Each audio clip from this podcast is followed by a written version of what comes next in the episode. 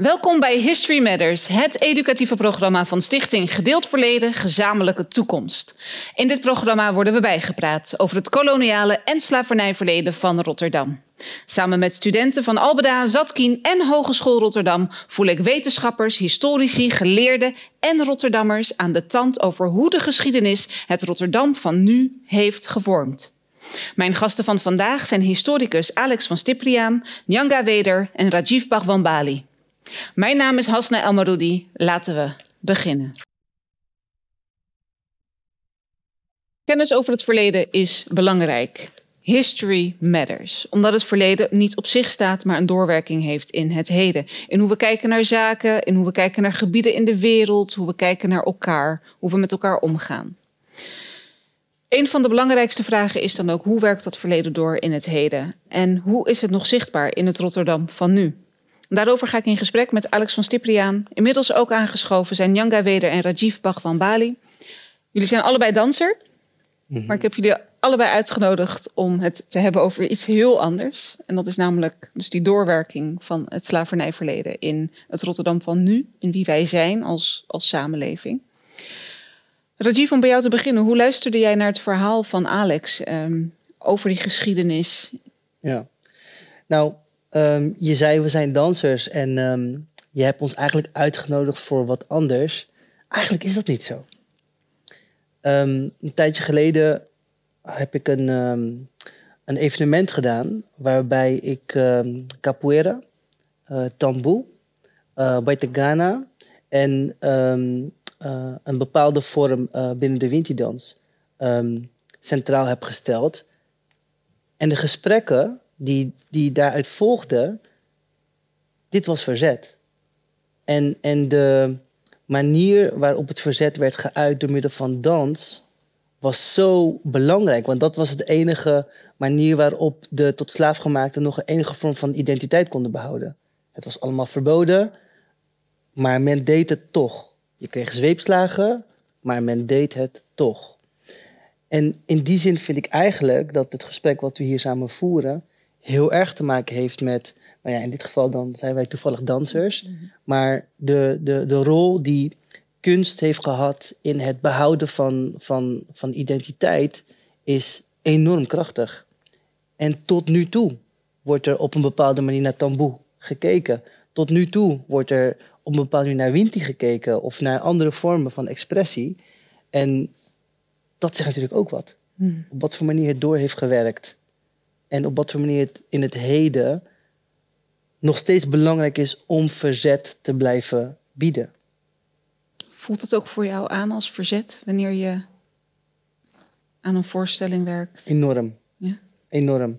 De, de, de systemen die toen de tijd ontwikkeld zijn, ehm, die hebben zich verder ontwikkeld naar, nou ja, we leven nu in een land waarbij er fondsen zijn, instellingen zijn en daar kan je aanvragen doen en dan kan je kunst maken en dan moet je voldoen aan bepaalde voorwaarden. Maar wie bepaalt wat kunst is en wie bepaalt wat die voorwaarden zijn? Dat, dat komt vanuit een bepaalde invalshoek, een wit invalshoek, die bepaald heeft wat waardevol is. Mhm. Maar al die andere verschillende invalshoeken, uit verschillende culturen die hele andere voorwaarden stellen aan kunst, worden niet meegenomen in het toekennen van waarde. Dus dan is de vraag, we wonen in een stad, in een land, waarbij er zoveel verschillende culturen zijn die allemaal waarde hebben op hun eigen manier, maar we honoreren eigenlijk alleen maar de kunstvormen die voldoen aan het wit idioom. Hmm. Dat is toch een beetje raar? Maar we zijn wel inclusief en we zijn wel divers. En voor mij voelt het eigenlijk zo van, nou, wil je dansen? Je mag dansen als je de foxtrot doet. Maar als je bobbeling wil dansen, dan moet je schrijven. Dus ja, je mag artistiek zijn op witte voorwaarden. Dat vind ik interessant. Jange, jij zit ja te knikken, herkenbaar? Ja, zeker herkenbaar. En om ook terug te grijpen naar het college van, uh, van Alex, wat mij echt is bijgebleven is uh, dat je eruit kunt halen dat door de slavernijgeschiedenis dat uh, identiteiten zijn gestript en dat mensen dat ergens hebben achtergelaten. In Afrika hebben achtergelaten, in India hebben achtergelaten. En van daaruit uh, met minder culture, um, culturele bagage in eerste instantie, zou je dat denken, uh, ergens anders terecht zijn gekomen. Maar inderdaad, op, door, door dans, door muziek, dat zijn zaken die ze wel mee hebben kunnen nemen. Um, ja, en het is eigenlijk wel mooi dat wij hier beide vandaag zitten. En uh, dat ook gewoon op die manier uitdragen in uh, onze werken. Ja. Mag ik er iets aan toevoegen? Want ik ben het niet helemaal eens.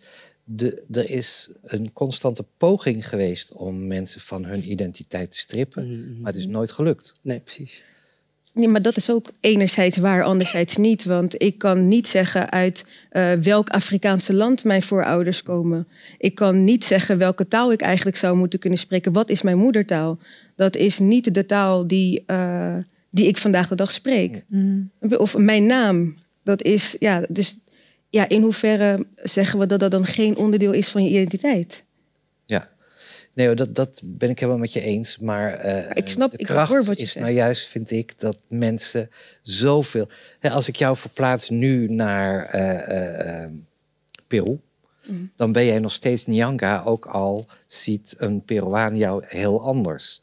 En die noemt jou misschien Truus. Nee, Juanita. Ehm, maar jij weet voor jezelf dat je Nyanga heet. En zo is dat toen ook geweest. Mensen hebben een eigen cultuur behouden of ontwikkeld achter die opgelegde cultuur.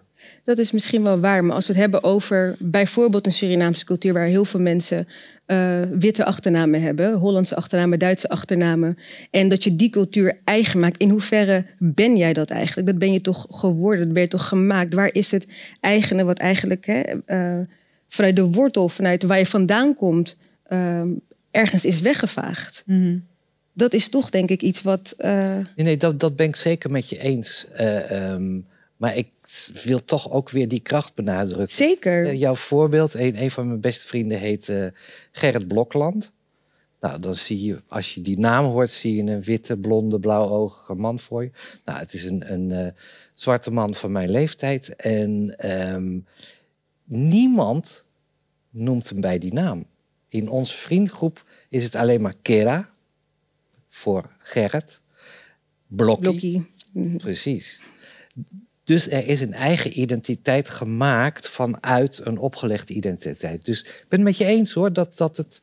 Je kan niet meer zeggen, hij, hij heeft geen Afrikaanse achternaam. Mm Mhm. Dat zou ik niet kunnen, want er zijn zoveel voorouders. Um, maar er is wel iets eigens. En maar... dat is de kracht waaruit je, denk ik, heel veel kunt bereiken. Ja. Mm. Dus het is maar net vanuit, denk ik, vanuit welke hoek je daarnaar kijkt. Het is inderdaad ja. enerzijds de kracht, aan de andere kant een soort noodgedwongen. Ik denk Tuurlijk. dat dat is wat je probeert te zeggen. Ja. In, Janga, in hoofdstuk drie van het boek, want we hebben het nu toch over woorden en taal. Um, daarin heb je het ook over woord- en taalgebruik. En um, nou ja, we, tien jaar geleden zei men blank, tegenwoordig zegt men wit. Er is een soort verandering gaande als het gaat over taalgebruik. Hoe kijk jij naar die beweging om nieuwe woorden te vinden, uh, om zaken ook uit het verleden te kunnen benoemen? Hè? Vroeger was het heel gewoon om te zeggen slaven, tegenwoordig zeggen we tot slaafgemaakte of slaafgemaakte. Hoe kijk je ernaar? Uh, ik vind het een hele mooie beweging, uh, want het laat zien dat we met z'n allen uh, daarover nadenken, over die terminologie, maar nog meer over de verhalen daarachter, binnen welke context die gebruikt werden en waarom we bepaalde zaken nog wel of niet op momenten wel of niet gebruiken. aan de andere kant vind ik het jammer. Jammer dat het binnen een bepaalde groep mensen dit al wat meer uh, gangbaar is om te gebruiken. Ik bedoel, er zijn genoeg um, uh, televisiezenders die ook al aangeven waarom ze kiezen voor het uh, woord wit en niet voor blank. En het zit langzaam al steeds meer bijvoorbeeld in de media. Maar ergens mist er toch iets dat het echt ook gewoon de bevolking doorcijpelt. Mm -hmm. en daar is denk ik echt gewoon nog iets meer voor nodig. En het blijft nu best wel rondom de hoger opgeleide, toch wel de elite. Um, dat dit, een, uh, ja, dit uh, afspeelt. Ja, de randstedelijking ja. misschien ook wel. Dat ook. Ja. Uh, maar is het niet ook iets wat, wat misschien gewoon nog wat langer de tijd nodig heeft? Wellicht, maar tegelijkertijd kun je ook nadenken over hoe kunnen we uh, daar extra vaart achter zetten. Op welke manier kunnen we uh, dit, dit mechanisme eigenlijk helpen om door die samenleving eigenlijk heen te komen. Ja.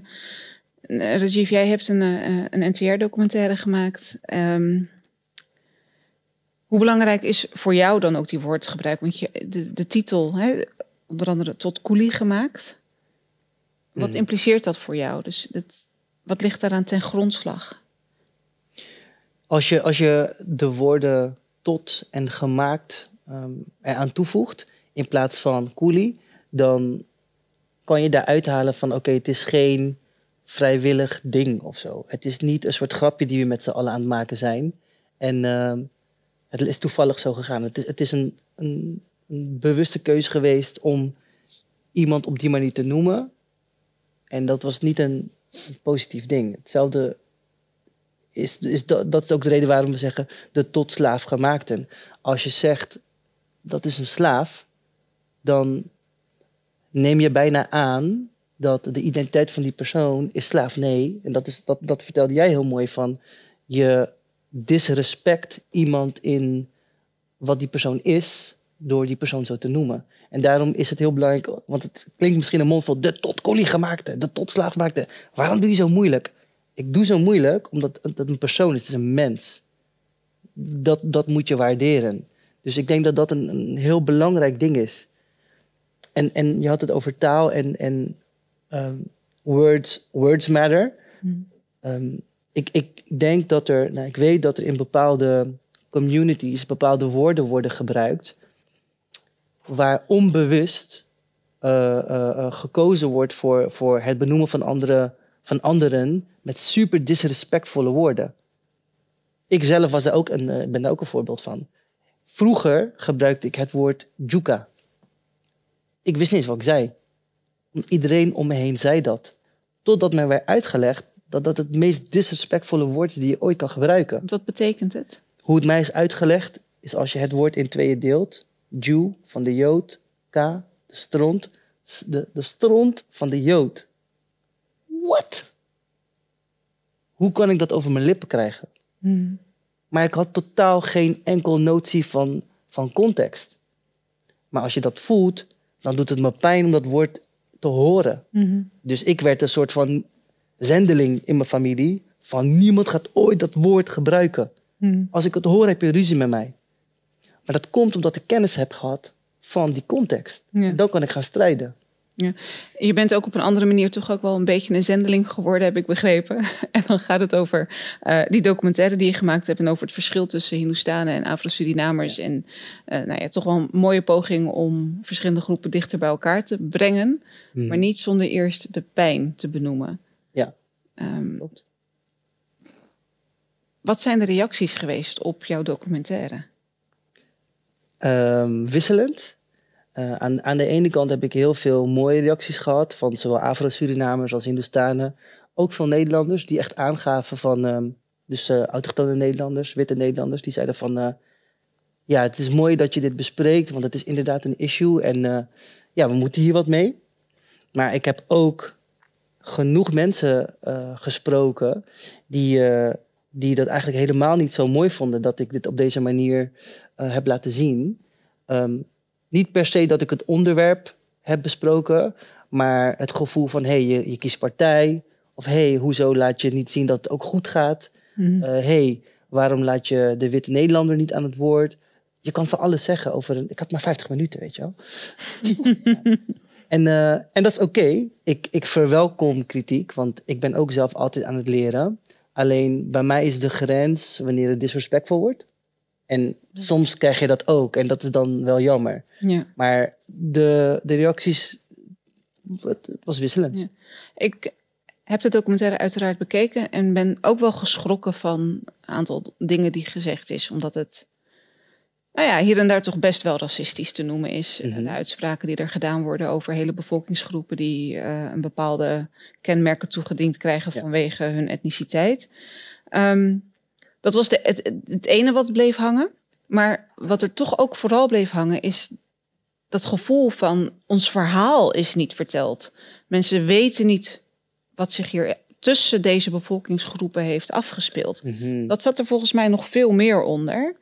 Ehm, en als we het dan hebben over die perspectieven en die ehm, geschiedschrijving, wat zou jij willen? Waar zou meer ruimte voor gemaakt moeten worden? Ehm, ik denk dat er meer ruimte gemaakt zou moeten worden voor de, de verschillende groepen. Dat ze echt, echt kunnen luisteren naar elkaar. Mhm. Hou even je mond dicht en luister naar mij. Zonder dat je gelijk springt eh, met dat ding van... Ja, maar ik heb ook pijn. Ja, maar ik heb ook pijn. Dat snap ik. Ik, ik twijfel niet aan jouw pijn. Maar het is belangrijk dat we elkaar eerst allebei begrijpen. En ik merk dat er een soort van allergie is... wanneer iemand praat over de eigen geschiedenis, over de eigen pijn... om gelijk te springen van... ja, maar jij hebt het erg, ik heb het ook erg. Maar that's not the question. Ik ben jou niet aan het betwijfelen over jouw pijn. En het voelt soms aan als een soort strijd, een wedstrijd... wie het meeste leed heeft gehad. Maar het is geen wedstrijd. En, en daar zou ik wel graag meer, meer tijd aan willen besteden. Van, hé hey jongens, hoe kunnen we op een soort eh, ontwapenende manier echt naar elkaar luisteren? Want als ik jouw pijn respecteer en het erken, dan denk ik dat we dichter bij elkaar kunnen komen. En jij ehm, hebt het initiatief Welke Sporen Horen We eh, opgezet. Wat voor soort verhalen zou jij nog willen toevoegen? Of welke lijnen in, in geschiedenis zijn voor jou heel belangrijk? Ehm, wat voor lijnen, wat voor verhalen ik zou willen toevoegen. Ja, ik kom daar eigenlijk wel op het, eh, op het verhaal dat we vandaag de dag nog steeds eh, ja, onderdelen van die systemen zien eh, en horen. En dat we daar gewoon bewust van moeten blijven. Dus ja, heel veel, ehm, op heel veel verschillende manieren kan dat. Eh, en één daarvan is eh, door bijvoorbeeld met jonge mensen, met jonge artiesten die hele grote groepen jongeren in heel Nederland bereiken. Dus niet alleen randstedelijk, maar echt gewoon door heel Nederland. Dat zij gewoon een hele grote achterban hebben. En dat zij eigenlijk ook stiekem dragers zijn van eh, sporen uit het koloniale en slavernijverleden.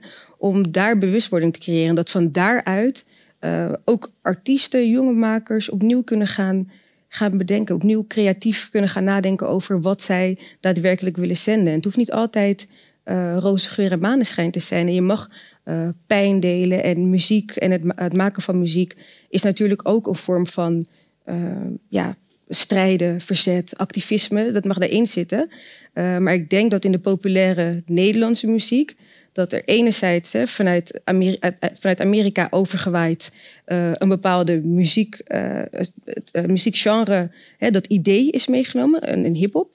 Maar in Nederland dat een hele andere draai heeft gekregen. En men minder bewust is van het activistische. Minder bewust van eh, eh, ehm, wat er wordt uitgedragen met die muziek. En eigenlijk zouden we dat hier ook gewoon eigen kunnen maken. En ons eigen verhaal beter kunnen vertellen. In plaats van een beetje nep gekopieerd. Ja, Hmm. dus veel meer vanuit het eigen verleden. Ja, Ja. Zijn er verder nog specifieke Rotterdamse voorbeelden ehm, vanuit kunst en cultuur of andere zaken die, die te maken hebben met die doorwerking van dat slavernijverleden? Jij hebt al een mooi voorbeeld genoemd aan het begin van ons gesprek over eh, het dansen en de kunst en cultuur zien. Ehm, wat betreft wat wel gewaardeerd wordt en wat niet wordt gewaardeerd. Maar Nyanga, zou jij, zijn er nog andere elementen?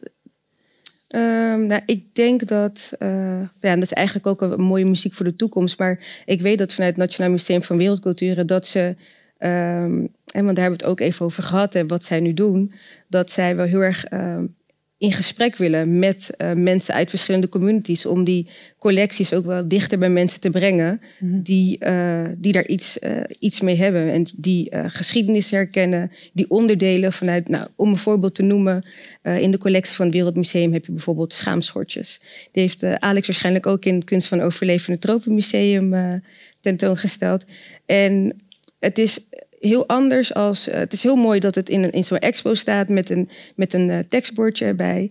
Maar het gaat leven als iemand vanuit de Maroncultuur, die ik van vaders kan bijvoorbeeld ook eh, meedraag, kan vertellen over de rituelen die daarbij horen. En dat die vandaag de dag ook in Nederland nog plaatsvinden bij initiatierituelen van jonge meisjes die tot vrouwen worden ingewijd.